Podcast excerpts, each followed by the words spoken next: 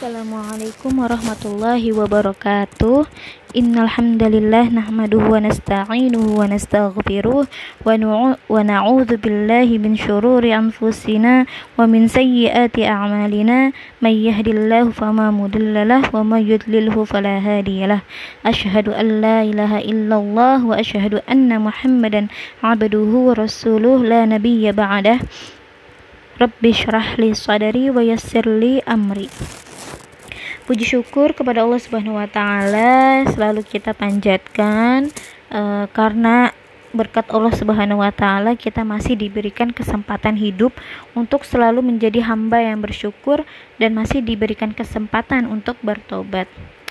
Uh, pernah nggak sih kita kepikir gitu kalau mis pas kita malam nih mau tidur kita tuh berdoa ya Allah uh, hidupkan aku esok pagi hari agar aku masih bisa untuk beribadah kepadamu. Jarang ya kita berdoa kayak gitu pas malam. Tapi Allah tuh baik banget. Baik banget. Tanpa kita meminta, Allah tuh masih memberikan kita hidup di kemudian pagi harinya. Kita masih diberikan kesempatan hidup untuk melaksanakan amalan-amalan ibadah, untuk memupuk pahala-pahala kita yang insya Allah akan meringankan dosa-dosa kita, meringankan uh, hisap kita kelak di akhir nanti gitu. Semoga kita selalu senantiasa menjadi orang yang bersyukur. Karena dengan bersyukur kita akan bahagia. Bukan karena kita bahagia baru kita bersyukur. Jangan salah ya. Jangan kebalik Nah, salat salawat serta salam uh, untuk Nabi Muhammad Sallallahu Alaihi Wasallam yang mana berkat beliau kita bisa menikmati kenikmatan Islam tanpa harus berjuang dengan panah, dengan tombak dan dengan pedang. Karena kalau zaman sekarang kita itu berjuangan berjuangnya di mana? Di medsos ya.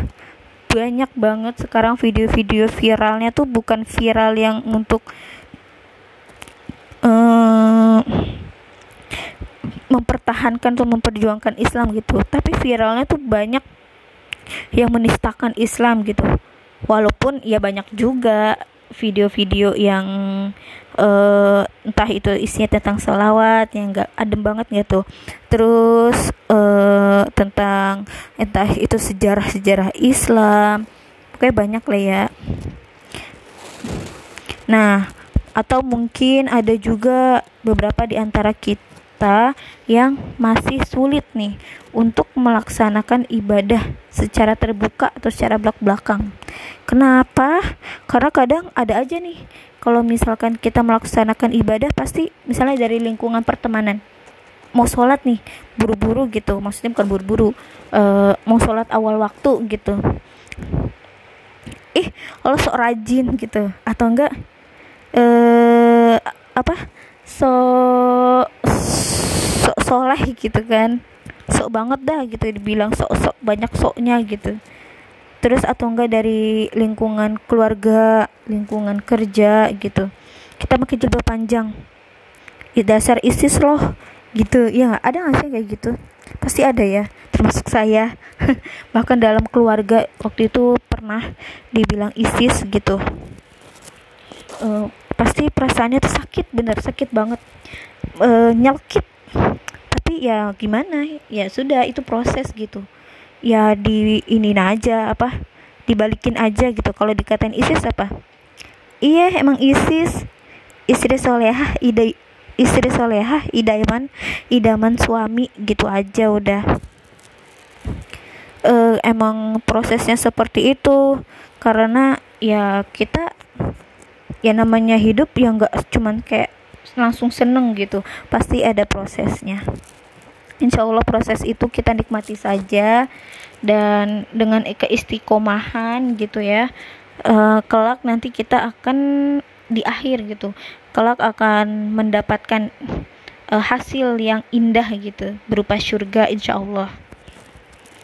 Nah uh, pada episode kali ini Insya Allah saya ingin sharing aja sih tentang 10 ke eh 10 keutamaan bukan 10 hari pertama keutamaan 10 hari pertama bulan Zulhijjah.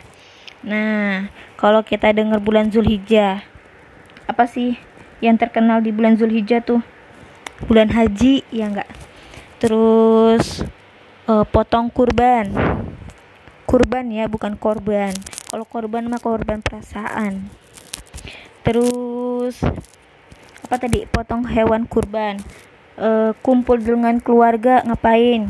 Nyate-nyate makan-makan ya enggak nah ada juga nih e, kalau misalkan di 10 hari pertama ini di bulan Zulhijjah kalau kita melaksanakan amalan-amalan ini tuh insya Allah pahalanya tuh bakal dilipat gandakan berdasarkan hadis dari Ibnu Abbas radhiyallahu anhu berkata Rasulullah tiada hari di mana amal soleh lebih dicintai Allah melebihi hari ini. Hari ini tuh maksudnya apa? Yaitu 10 hari pertama Zulhijjah. Kemudian sahabat pun bertanya tidak juga dengan jihad ya Rasulullah? Rasulullah pun menjawab tidak juga dengan jihad kecuali orang yang berjihad jiwa dan hartanya. Kemudian ia syahid dan hartanya habis untuk jihad gitu. Nah apa aja sih ibadah yang bisa kita lakukan di 10 hari pertama Zulhijjah ini? Yang pertama ada puasa selama 9 hari. 9 hari di hari pertama uh, boleh berturut-turut nih. Kalau misalkan nggak sanggup boleh di tanggal 8 dan 9 aja.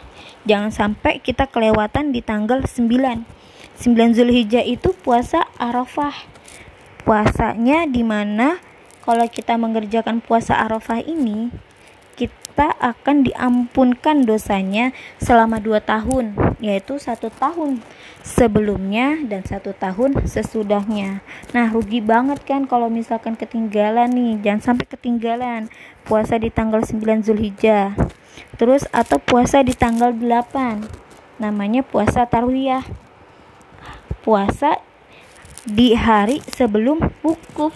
Nah, Arafah itu kan wukuf ya jadi tanggal 8 dan 9 terutama tanggal 9 jangan sampai kelewatan yang kedua perbanyak zikir. Zikirnya tahmid tahlil dan takbir. Nah kalau misalkan uh, kita nih habis sholat main kabur aja nih. Nah kita coba deh dikasih kesempatan sedikit aja gitu buat zikir. Zikir setelah sholat yang subhanallah 33 kali uh, alhamdulillah 33 kali Allahu akbar 33 kali.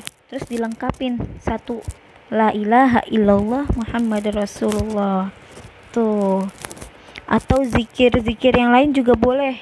Istighfar misalnya. Perbanyak istighfar tuh di hari-hari eh, uh, 10 hari pertama Zulhijjah. Kemudian yang ketiga yang ketiga itu meningkatkan kualitas dan kuantitas sholat. Kalau biasanya kita sholat terburu-buru. Apa anda tuh yang dibaca kalau sholat terburu-buru? Baru takbir udah ruku aja dah. Ya kan? Bacaannya sholat apa tuh? Nah, kalau bisa lebih dihayati, lebih dinikmati sholatnya, ya kan? terus uh, misalnya kalau sholatnya tuh masih entar-entaran. Coba kita sholatnya sholat awal waktu bukan sholat tepat waktu. Kalau sholat tepat waktu itu begini contohnya. Zuhur dari jam berapa sih jam 12 sampai jam 3 ya? Terus kita sholat jam 2 tepat waktu enggak ya tepat waktu karena masih di waktu zuhur. Tapi awal waktu enggak enggak karena kita nunda-nunda sampai jam 2 gimana yang awal waktu? Misalnya azan udah berkumandang. Nah kita langsung tuh siap-siap. Wudhu habis itu uh, dia eh dia qobliyah dulu sebelum sholat zuhur. Uh, sunnah qobliyahnya. Nah habis itu baru udah ikut jamaah kalau bisa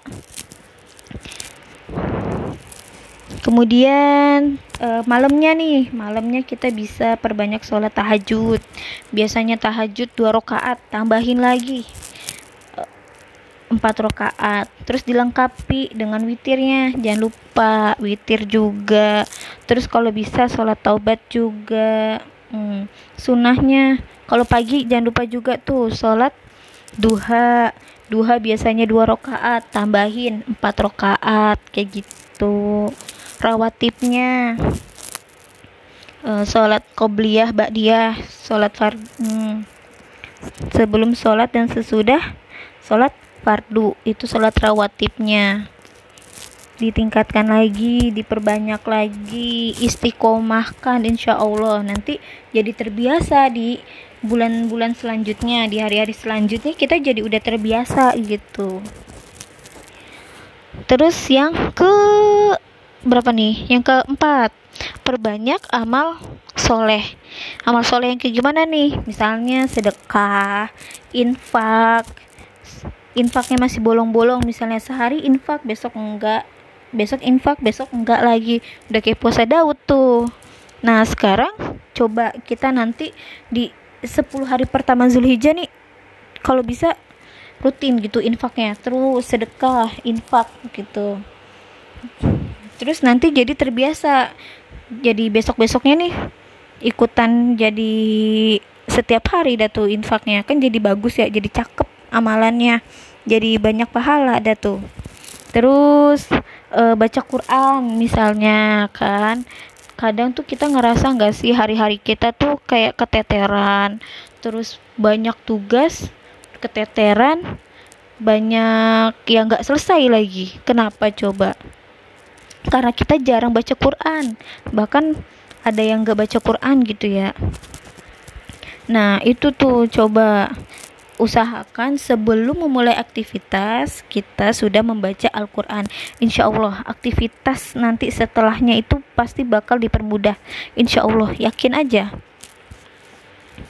Um, apalagi ya? Terus selanjutnya yang ke nomor berapa? Datu hitung sendiri daya lupa yang ke uh, pada tanggal 10 nya nih berkurban. Untuk yang punya kelebihan rizki mangga atau di kurban berkurban gitu ya. Insya Allah nanti kurbannya ini akan menjadi penolong kita.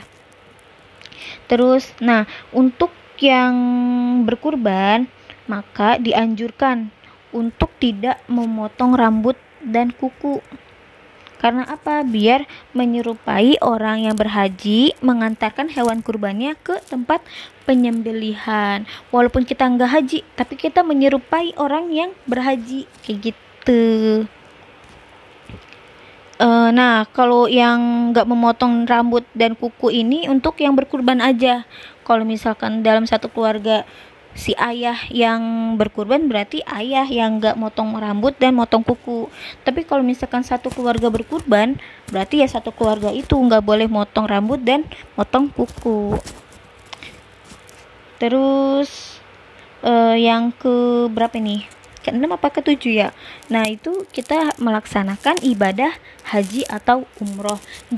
Yang sudah dimampukan maka dianjurkan untuk ibadah haji dan umroh.